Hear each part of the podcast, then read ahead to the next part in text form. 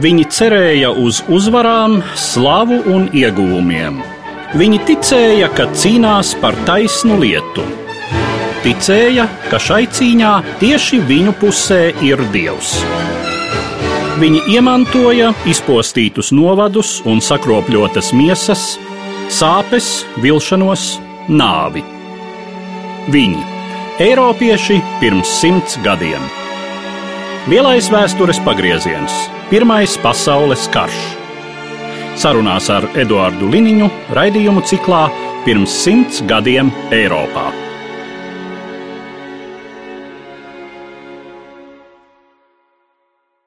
Labdien, cienījamie klausītāji! 1915. gada vasara - tas ir laiks, kas saistās ar Latviešu strēlnieku bataljonu dibināšanu, kad mēs sākam to ilgo un ļoti iezīmīgo vēstures daļu, ko saucam par latviešu strēlniekiem. Mani sarunbiedri šodien studijā - vēsturnieki Latvijas kara muzeja pētnieki Dagnis Dedumietis un Klaus Zariņš. Labdien! Labdien! Runājot par eh, strēlnieku bataljonu dibināšanas apstākļiem, vispirms droši vien mums ir jāparaugās uz to, kas tad notika Pirmā pasaules kara austrumu frontē, tās ziemeļmalā 1915. gada pavasarī un vasarā. Stāvoklis austrumu fronte ziemeļdaļā, kas ietver sevi arī Latvijas teritoriju, 15. gada pavasarī ir visai sarežģīts un varētu pat teikt nestabils. Tad vācu karaspēks, kurš ir guvis spilgtas uzvaras Austrumprūsijā, ir sasniedzis Latvijas teritoriju un faktiski 15. gada pavasarī izvērš uzbrukumu divās daļās mūsdienu Latvijas teritorijā. Viens virziens tātad ir uz Jelgavu, otrs Liepāju. Šīs ofensīvas rezultātā, kas ir strauja un no Krievijas armijas puses ļoti negaidīta, Un arī, starp citu, vācieši nebija gaidījuši, ka šādi panākumi šeit tiks gūti, jo tas bija paredzēts kā tāds manevrs, lai sakautu Krievu spēkus Polijas centrālajā un dienvidu daļā. Bet viņi gūs šos panākumus, faktiski jau 15. gada maijā, jūnijā tiek okupēta daļa kurzemes un daļa zemgales, un šī ofensīva tad apstājās līdz jūlijam un atsākās 14. jūlijā Viņi norisinās ļoti strauji. Augusta sākumā krīt Kurzemes guberņas administratīvais centrs, šajā laikā Jēlgava.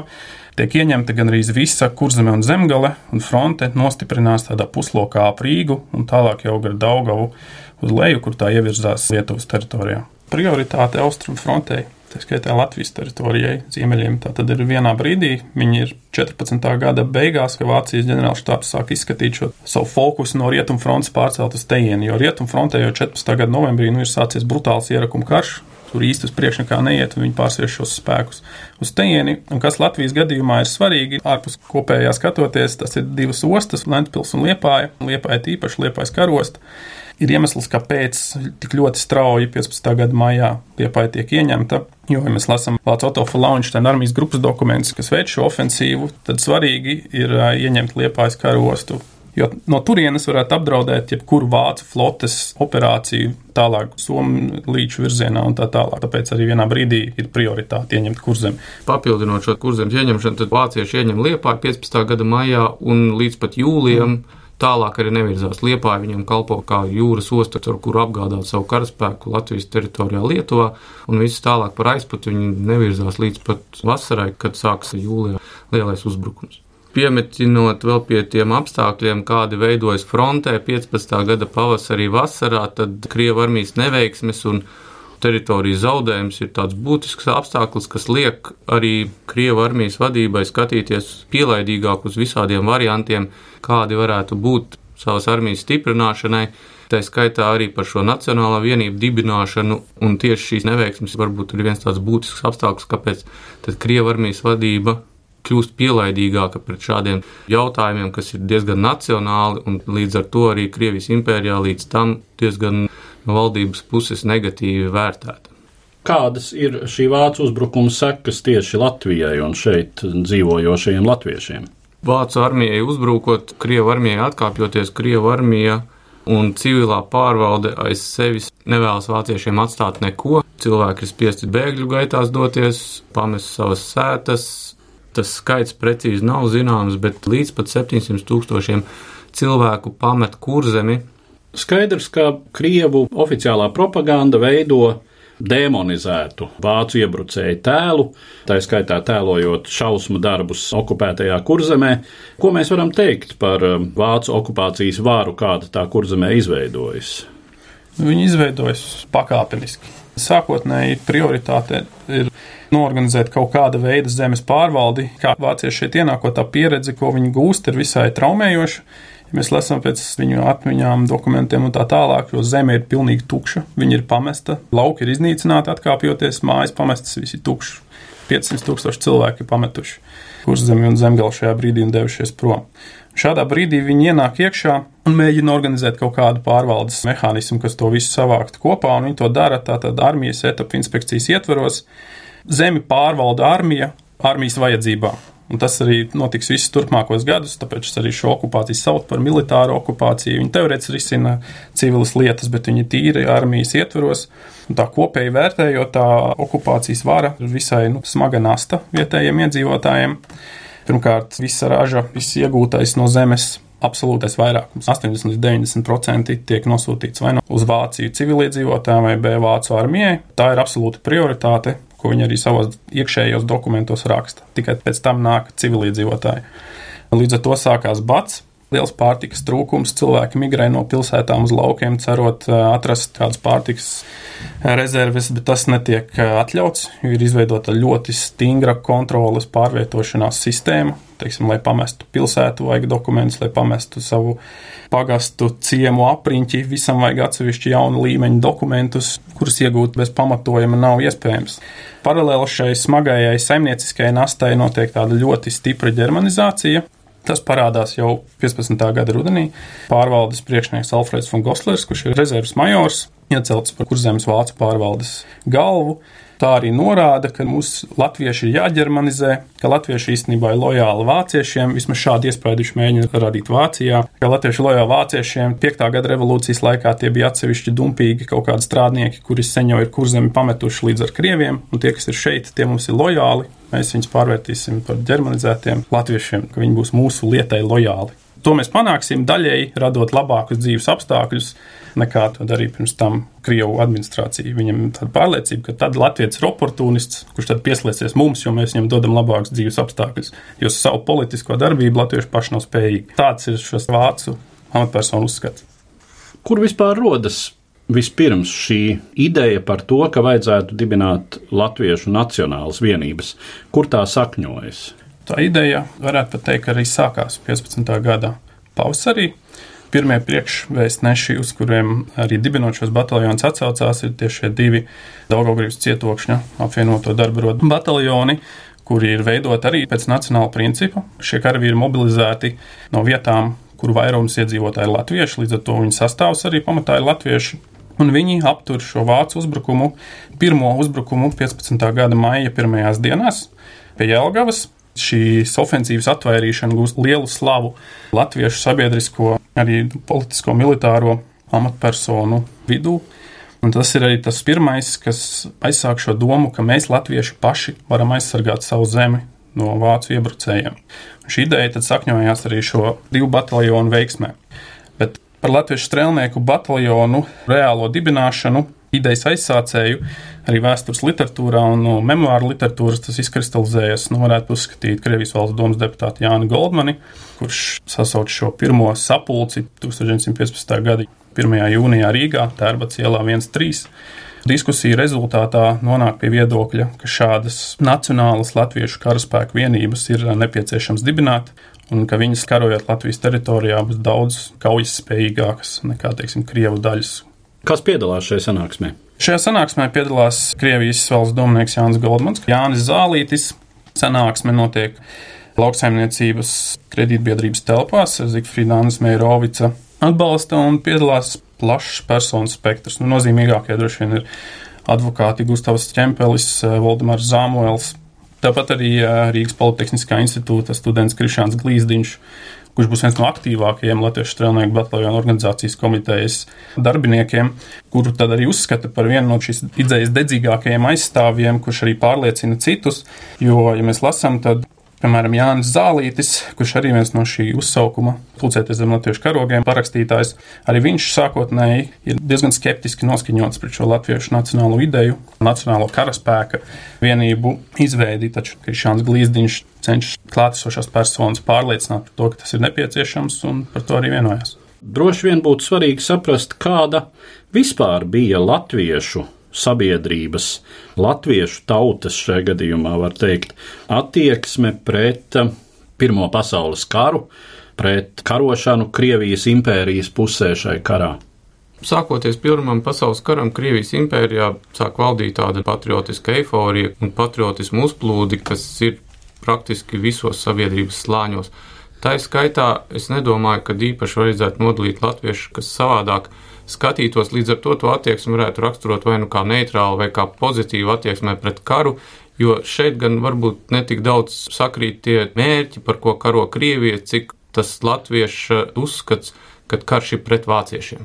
Un tas ir tas, kas liek pozitīvi skatīties uz šo cīņu no Krievijas impērijas viedokļa arī, ka karš ir pret vāciešiem, ar ko nu, latviešiem tā vēsturiskā attīstība ir bijusi ilgstoši kopā, un tās attiecības nav tajā brīdī tās pozitīvākās, jo būtisks ir tas, ko varbūt nevienmēr saliek kopā ar latviešu patriotismu uzplūdu kara gadījumā, kas saistās ar 1905. gada revolūciju. Tas ir ļoti daudz atmiņās, kad vācieši tomēr vācu tautības cilvēki ir starp šīm represīvajām struktūrām, starp soda ekspedīcijām, un lielā mērā šie vēstures notikumi tomēr tautas apziņā saistās ar vāciešu attieksmi pret latviešiem. Un līdz ar to šis karš tiek uztverts kā iespēja atriepties par to. Tieši tā, tas karš ir vairāk, manuprāt, ne tik daudz pret Vāciju, cik viņš ir pret vāciešiem. Un ar to saprotot, ka ja mēs uzvarēsim šos iebrūkošos vāciešus paša procesa gaitā, mēs tiksim galā ar vietējiem, kuri apspiež latviešus, šie vācu baroni un tā tālāk. Un līdz ar to tas ir tāds personīgs pārdzīvojums, personīgā pieredzē balstīts. Ko mēs no šodienas perspektīvas varam teikt par šo 1915. gada 19. jūlija uzsaukumu, ko tā autori, jau pieminētie Krievijas valsts domas deputāti Goldmanis un Zālītis, īsti domā to parakstot? Cik lielā mērā viņu un arī citu jūsu piesaukto tobrīd latviešu sabiedrisko darbinieku apziņā strēlnieku bataljonu veidošana ir sākums kaut kam tik lielam un nozīmīgam, kā tas izrādās Pirmā pasaules kara beigās, proti Latvijas valsts tapšanai. Pirmkārt, jau uzsaukuma autori ir Kārlis Skalbe un Atis Čeniņš. Jānis Zalīts ar Jānu Goldmanu šo uzsaukumu tikai paraksta kā redzams sabiedriskas personas. Šo uzsaukumā, ja tas ir redzams tajā pašā tekstā, ka tas uzsaukums jau manipulē ar negatīvo vēsturisko pieredzi ar vāciskumu un vāciešiem. Viņi mēģina šo patriotismu un naidu pret visu vācisko kultivēt uzsaukumā ir minēti šie 700 verdzības gadi.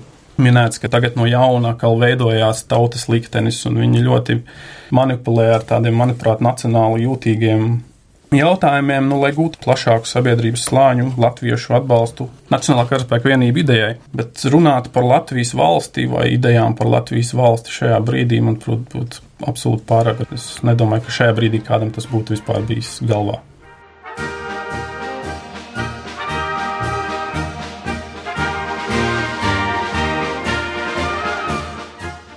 Pulcējaties zem latviešu karogiem. Latvijas dēli mums atļauts dibināt karapulkus.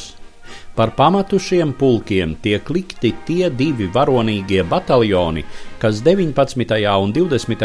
aprīlī atsita vācu uzbrukumu Jelgavai.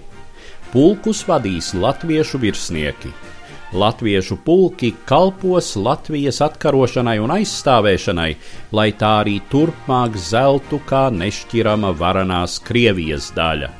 Šo pulku apgādāšanu uzņēmās valdība, bet kā latviešu brīvprātīgi pulki un tautas lepnums, tie stāvēs mūsu tautas īpašā aizgādībā un mīlestībā. Ienaidnieks samin mūsu drūvas pārvērš mūsu mājas par pelniem un mūsu pilsētas par grubekļiem. Mūsu sirmgalvi un bērni, mātes un sievas un meitas vienmēr vēl bēg no ļaunā vajātāja. Viņu ciešanas brēc pret debesīm, viņi gaida mūsu aizstāvēšanas. Un mēs neesam vieni. Dienu no dienas, plecu pie pleca mēs cīnāmies kopā ar dižano krievu tautu ticiet Krievijas nesalaužamai varenībai, ticiet latviešu tautas gaišai nākotnei, lai tad pulcējamies zem savas tautas karoga, zem divgalvainā ērgļa spārniem. Pēc 700 gadiem no jauna veidojas mūsu tautas liktenis. Pēc šiem 700 ciešanu un gaidīšanas gadiem ir jāpiepildās tautas kultūrālās atzimšanas sapnim. Tagad vai nekad! Kara laukā jums, Latvijas dēli, jārada tagad tautas liktenis un slava. Jūs, vidzemnieki un latgalieši, kas druvās vēl izskaptis cilājat, un jūs, kurzemnieki, kam arkli jau atstāti rūsē tēvu tīrumos, apmaināt izskaptis un arklu pret kareivja zobenu un visi, kas izkaisīti svešumā, bet kam sirds vēl pukst priekš dzimtenes, sniedzat roku uz cīņu. Jo vairāk esam zaudējuši, jo vairāk mums jāatgūst. Lielajam naidu laikam jātop par lielu cerību un lielas saņemšanās laikmetu visā mūsu tautā. Brāļi, labāk cīņā doties, nekā nīkt un izputēt pa svešām ceļmalām kā ar vienu, tā arī šī grūtā brīdī paliksim uzticīgi savai tēvu zemei un kalsim paši viņas likteni. Uz ežiņas galvu liku sargāt savu tēvu zemi. Brāļi, stunda ir situsi, kas tic tas uzvar uz priekšu ar latviešu karogu par Latvijas nākotni, ar savu patriotismu savu uzticību caram un Krievijai un varonību cīņās pret mūsu vēsturisko ienaidnieku, latvieši ir pelnījuši iet karā zem sava karoga. Vai tas nepilda mūsu sirdis ar lepnumu? Un kur lai latvietis ar lielāku prieku cīnītos, ja ne zem sava karoga? Kur lai viņš mīļāk noliek galvu, ja ne uz savas dzimtenes ežas? Brāļi, Kara pienākumi jānes visiem, bet lai stājamies zem karoga no brīva prāta savas dzimtenes labā. Latviju dēli, atsaucaties! Pati dzimtene jūs sauc! Un jūs, kas esat izklīduši pa tāliem svešiem lielceļiem un minat bēgļu tekas, apstājieties! Dzimtene jūs sauc! Tēvu zemē grūti laiki! Dēliem jāiet palīgā.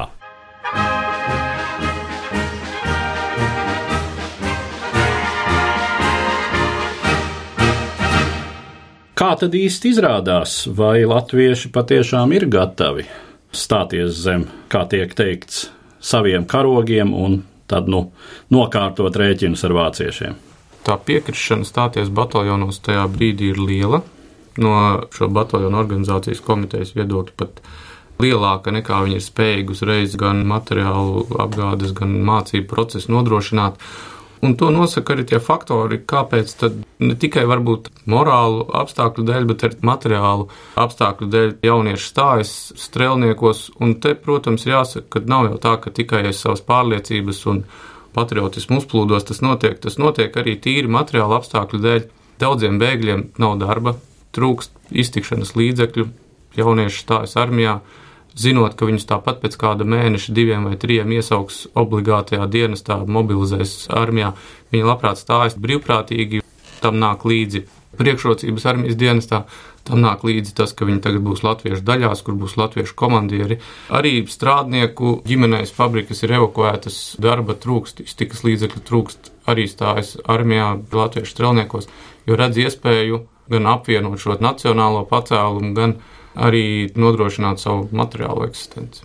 Es gribētu piezīmēt, ka tas arī, manuprāt, ir nedaudz pārspīlēti uzskatīt, ka visi gāja un stājās brīvprātīgi. Ja tas brīvprātīgo procents, tie, kas 15. gadā arī piesakās, viņš nemaz nav tik liels. Absolūtais vairākums, vairāk kā 50% karavīru latviešu strēlnieku bataljonos pārcelti no citām Krievijas impērijas karaspēka daļām, tātad viņi jau ir kara dienestā. Tāpat arī mobilizētie. Brīvprātīgo skaits tikai nedaudz pārsniedz mobilizētos. Līdz ar to brīvprātīgie, kas kopumā Pirmā pasaules kara gados ir apmēram 8000, nu, ir salīdzinoši neliela daļa. Ko mēs varam teikt par iespējams tādu motīvu, ka jaunam cilvēkam piemītoša kara romantizēšanas, piedzīvojumu kāres klātesamība. Tas noteikti ir būtisks apstākļus arī, jo, protams, tā laika prese un ideoloģija mēģina uzkurināt militāro varonību, un avīzēs ir gan varoņu darba apraksti, gan pretinieka vājuma apraksti, un tas viss tiek pasniegts kā tāda viegla lieta, un katrā ziņā šis karavīra tēls ir ar pozitīvu nozīmi, vēlme nopelnīt kādu militāru apbalvojumu saistās ar to, ka tu tagad sabiedrībā būsi cienījams cilvēks, patiks meitenēm.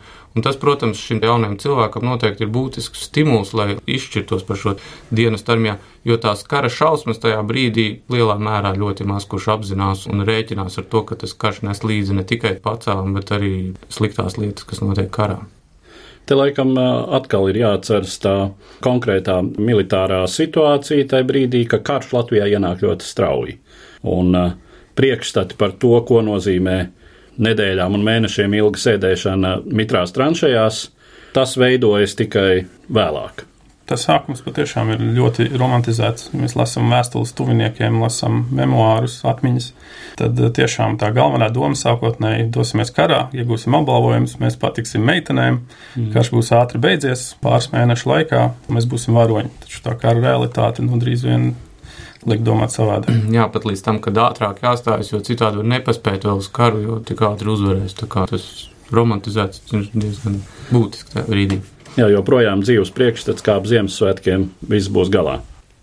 Kāda tad ir tā konkrētā pirmā kauju pieredze šiem latviešu strēlnieku bataljoniem? Vai attaisnojas tās cerības, kuras uz viņiem liek Krievijas armijas komandieri, ka šīs vienības būs kaujas spējīgākas varbūt par vidusmēru? Kauju pieredze parāda to, ka vienības ir pietiekoši kaujas spējīgas, ņemot vērā tos apstākļus, kad apmācībās šie karavīri ir pavadījuši divus mēnešus. Un divos mēnešos no tāda zemnieka puika vai fabrikas strādnieka izaudzināt karavīru, kurš varētu labi sev parādīt kaujas laukā, ir gandrīz nereāli un jāņem vērā problemātiskā materiālā apgāde, problemātiskā apgāde ar ieročiem, ar munīciju, jo dodoties uz pirmajām cīņām, daļa karavīri nemaz nedodas līdzi, jo viņiem vienkārši apaut trūkst. Līdz ar to tas, ko šie latviešu strelnieki paveic kaujas laukā, tās kaujas nav ne īpaši lielas, ne īpaši nozīmīgas, bet viņi katrā ziņā Viņi atcer šos vācu uzbrukumus, viņi paši veic uzbrukumus, un salīdzinot ar citām Krievijas armijas daļām, kas karo Rīgas frontē tajā brīdī, kauju pieredze ir salīdzinot būtiskāk, jo Krievu armijas vienības ar iniciatīvu neaizraujas tajā laikā, biežāk izvēlas atkāpties, varbūt nekā uzbrukt tajā brīdī, ja ir iespēja, tad, protams, viņam šī kara pieredze ir lielāka, viņi ir no kara noguruši. Latviešu strelnieki tomēr ir tā vēlme rauties cīņā, ja tas šajās pirmajās kaujās ir izpaužas. Protams, nāk līdzi pirmie kritušie, pirmie zaudējumi. Bet no otras puses, sabiedrībā viedoklis par to, ka strēlnieki ir varonīgi, tiek uzturēts un piepildās. Lai vērtētu pirmās kaujas, to veiksmīgumu vai neveiksmi, ir arī jāņem vērā konteksts un kam šīs strēlnieku vienības vispār ir paredzētas. Viņas jau neveido sākotnēji kā tādas lielas vienības, tādu lielu ofensīvu kauju realizācijai. Viņas veido kā tādas sakaru izlūku vienības, kuras veiks kaut kādus lokālus uzdevumus, ienaidnieka aizmugurē, tā būtu partizāna darbība vai kas tam līdzīgs, izlūku darbība. Un tā arī viņi tiek apmācīti. Viņiem māca taktiku, viņiem māca maskēšanos, ļoti liels uzsvars ir uz šo precīzu šaušanu. Tāpēc arī viņi sākotnēji tiek veidoti, jo latviešu strēlnieki, nu, tie latvieši viņi zina valodas, viņi droši vien zina to pašu krievu valodu, daļa no viņiem zina vācu valodu, viņi orientējās vietējā vidē. Tam viņi arī 15. gada rudenī, kad ir šī pirmā kauju pieredze, tam viņi arī tiek reāli izmantoti. Tas nāks tikai vēlāk, kad latviešu strēlnieks sāks izmantot kā tādu reālu triecienu spēku. Ja varētu mazliet konkrētāk raksturot pirmās šīs operācijas, kuras viņi veids. Pirmās operācijas notiek 1915. gada oktobrī. Pirmā latviešu strēlnieku militārā sadursme ar vāciešiem notiek 15. gada 23 oktobrī pie Kraslausku mājām, tas ir Tīreļpurva rajonā, un tur divas pirmā Daugaugrības latviešu strelnieku bataljona rotas veiksmīgi atsit vācu izlūku patruļas uzbrukumu. Tajā brīdī šī frontes situācija ir diezgan nestabila. Krievija armija atkāpjas, vācieši uzbruk, vācieši kaut kur atdurās pret Krievu armiju, atkāpjas, Krievu armija mazliet uzbruk, vēl nav izveidojis pozīciju karš. Un pozīcija kara veidošanās brīdis arī ir viena latviešu celnieku vienības sadursme ar vāciešiem, kad vācieši mēģina bīdīties Rīgas virzienā, bet latviešu celnieku divām rotām izdodas viņus apturēt, atsist, nogalināt sešus vāciešus, saņemt gūstekņus. Tas, protams, ir iemesls, lai paziņotu, ka latviešu strēlnieki apturējuši vācu uzbrukumu Rīgai. Bet katrā ziņā šī kauja pieredze ir pozitīva. Nu, diemžēl krīt trīs strēlnieki pirmajā sadursmē, no ievainojuma nomirst, pēc tam vēl viens. Līdz ar to ir arī pirmie zaudējumi. Šīs divas rotas arī turpina cīņu Tīreļpurva rajonā. Otras divas rotas no šī paša pirmā Daugaugrības bataljona iesaistās kaujā pie plakanciema, pie misas, kur arī sekmīgi veids izlūk gājienu. Nu, rotas līmenī, kad ieņem daļu no vācu pozīcijām, arī gūstot eh, militāru panākumu, bet tas nav panākums, kas ir tāds noturīgs, atņem vāciešiem kaut kādu teritoriju. Tas ir izlūk gājiens, kurā tiek gūtas trofejas un informācija. Un Būtiskākais varbūt, ka tiek gūta morāla pārliecība, ka karavīrus kaut ko spējīgi ir un kaut ko spēj parādīt, jo līdz tam šī pieredze ir tāda, ka Krievija armija vairāk tomēr atkāpjas un tiek ciesti zaudējumi, te nu ir pozitīvs piemērs, ka tomēr ir karavīri, kas spēj stāties pretī vācu armijai. Kā mēs vispār varam vērtēt šo latviešu strēlnieku bataljonu dibināšanas faktu? Mēs, protams, zinām, ka 20. gadsimta vēsturē latviešu strēlnieku fenomens ir bijis interesants visos vēstures periodos. Visi režīmi, Latvijā pastāvošās politiskās iekārtas sistēmas ir tā vai citādi šo tematu traktējušas un mēģinājušas, tā skaitā, strēlniekus padarīt par, ja tā var teikt, savējiem. To var teikt gan par Latvijas valsti, padomi vara savukārt arī šos strēlniekus mēģināja krāsot sarkanu steju vai no paša viņu pastāvēšanas sākuma. Kā mēs šodien varam vērtēt, vai strēlnieku vienību dibināšanas fakts ir traktējams joprojām tajā heroisma, tautas varoņa gara aspektā, kā tas ir noticis pamatā līdz šim, vai tomēr mums uz to ir jāraugās kā lielā mērā tautas dzīvā spēka izmantošanu impēriju karā, tā attiecīgi šķērdēšanu. Jā, nu tas jautājums par strelnieku novērtējumu nav tik viegli atbildams, jo mēs varam skatīties to jautājumu, zinot to vēsturisko attīstību, kā tas izvēršas pēc tam. Un mums varbūt ir savādāks tas skatu punkts nekā tam cilvēkam tajā brīdī. Jo, protams, var teikt, ka tas ir tautas dzīvā spēka izšķērdēšana un došanās strēlniekos ir iesaistīšanās impēriju karā, kam nekādas jēgas nav. Bet eh, tas, man liekas, ir diezgan sekls spriedums, jo tautas dzīvais spēks jau tiktu izšķērdēts šā vai tā. Jebkurā gadījumā tie jaunie cilvēki tiktu iesaukt armijā, viņi kaut kur cīnītos citās karaspēka vienībās, par viņu likteni mēs nezinātu, viņu kapa vietas mēs nezinātu, kur nu viņas ir pa visu austrumu frontu izkaisīti. Un galvenais šī strēlnieku bataljonu izveidošana ir nacionāls pašapziņas pacēlums, kas tik viegli nemaz arī nebeidzās. Tas ir precedents par nacionālu militāru vienību izveidošanu, uz ko var pēc tam atsaukties, ko var izmantot tajā pašā brīvības cīņu kontekstā. Un tajā brīdī arī tā ir iespēja šiem latviešu jauniem cilvēkiem, kas jau dienkrievu karaspēka daļās, atvieglot savu likteni, pārcelties uz latviešu daļām, tomēr savu cilvēku kolektīvā ir vieglāk nekā armijas daļās, kur daudz varbūt nemaz krievu valodu nesaprot, un līdz ar to viņam tā dzīves ir riktīgi sarežģīta. Līdz ar to no tā laika viedokļa strēlnieku bataljonu dibināšana noteikti atšķirās, kā mēs varam novērtēt viņu tagad, un velkot paralēlus ar vēlākiem vēstures notikumiem un, un tām ideoloģijām, kas mēģina šo strēlnieku veikumu piesaistīt savām vajadzībām. Lai arī cik mums to ļoti gribētos, Latvijas strēlnieku bataljoni nav nekas unikāls. Pirmā pasaules kara kontekstā nu, viņi ir unikāli mums, kā nu, Latvijai, Latviešiem un tā tālāk bet viņa pirmā pasaules kara kontekstā nav nekas unikāls. Šādas nacionālas vienības, šīs lielās impērijas centās izmantot, lai laustu kara gaitu, tā skaitā Latviešu strēlnieku vienības sarežģītajā austrumfrontē. Bet šādas vienības eksistē visu lielo valstu armijās, tiksim, tie paši Somiju jēgari, kuri arī izvirza kaut kādas politiskās prasības. Šajā gadījumā viņi grib cīnīties pret Krievijas impērijas varu Somijā. Ar viņiem tiek izveidots bataljons Vācijas armijas sastāvā, 27. karaliskais jēga bataljons, kurš arī karo Latvijas teritorijā pret tiem pašiem latviešu strēlniekiem, kas ir tāda kopēja traģēdija mūsu vēsturē. Tādas pašas vienības ir, teiksim, poļu vienības, austrumgāru armijā. Īri cenšas laust kara gaitu pret Lielbritāniju, sadarbojoties ar Vāciju, starp citu, izmantojot arī Liepājas ostu. Operācija Liepāja bija, un tas ir šo karu raksturojošs fenomens. Izmantot mazu tautu, patriotiskos, nacionālos centienus savu mērķu sasniegšanai. Nu, kā tas izvērtās, tas katram nu, jāvērtē pašam.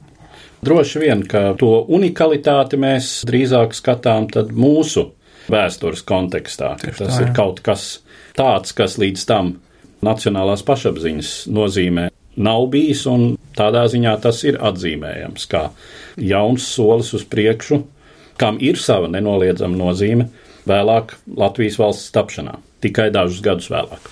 Ar to mēs arī noslēdzam mūsu šodienas sarunu, kas bija veltīta Latviešu strēlnieku bataljonu dibināšanai 1915. gada vasarā. Es saku paldies maniem sarunbiedriem, kara muzeja pētniekiem Dagnim Dedumietim un Klāvam Zariņam. Ticība un cerības, vilšanās un nāve, zaudējumi un ieguvumi pirms simts gadiem Eiropā. Raidījumā šīs dienas acīm sarunājamies par Pirmo pasaules karu.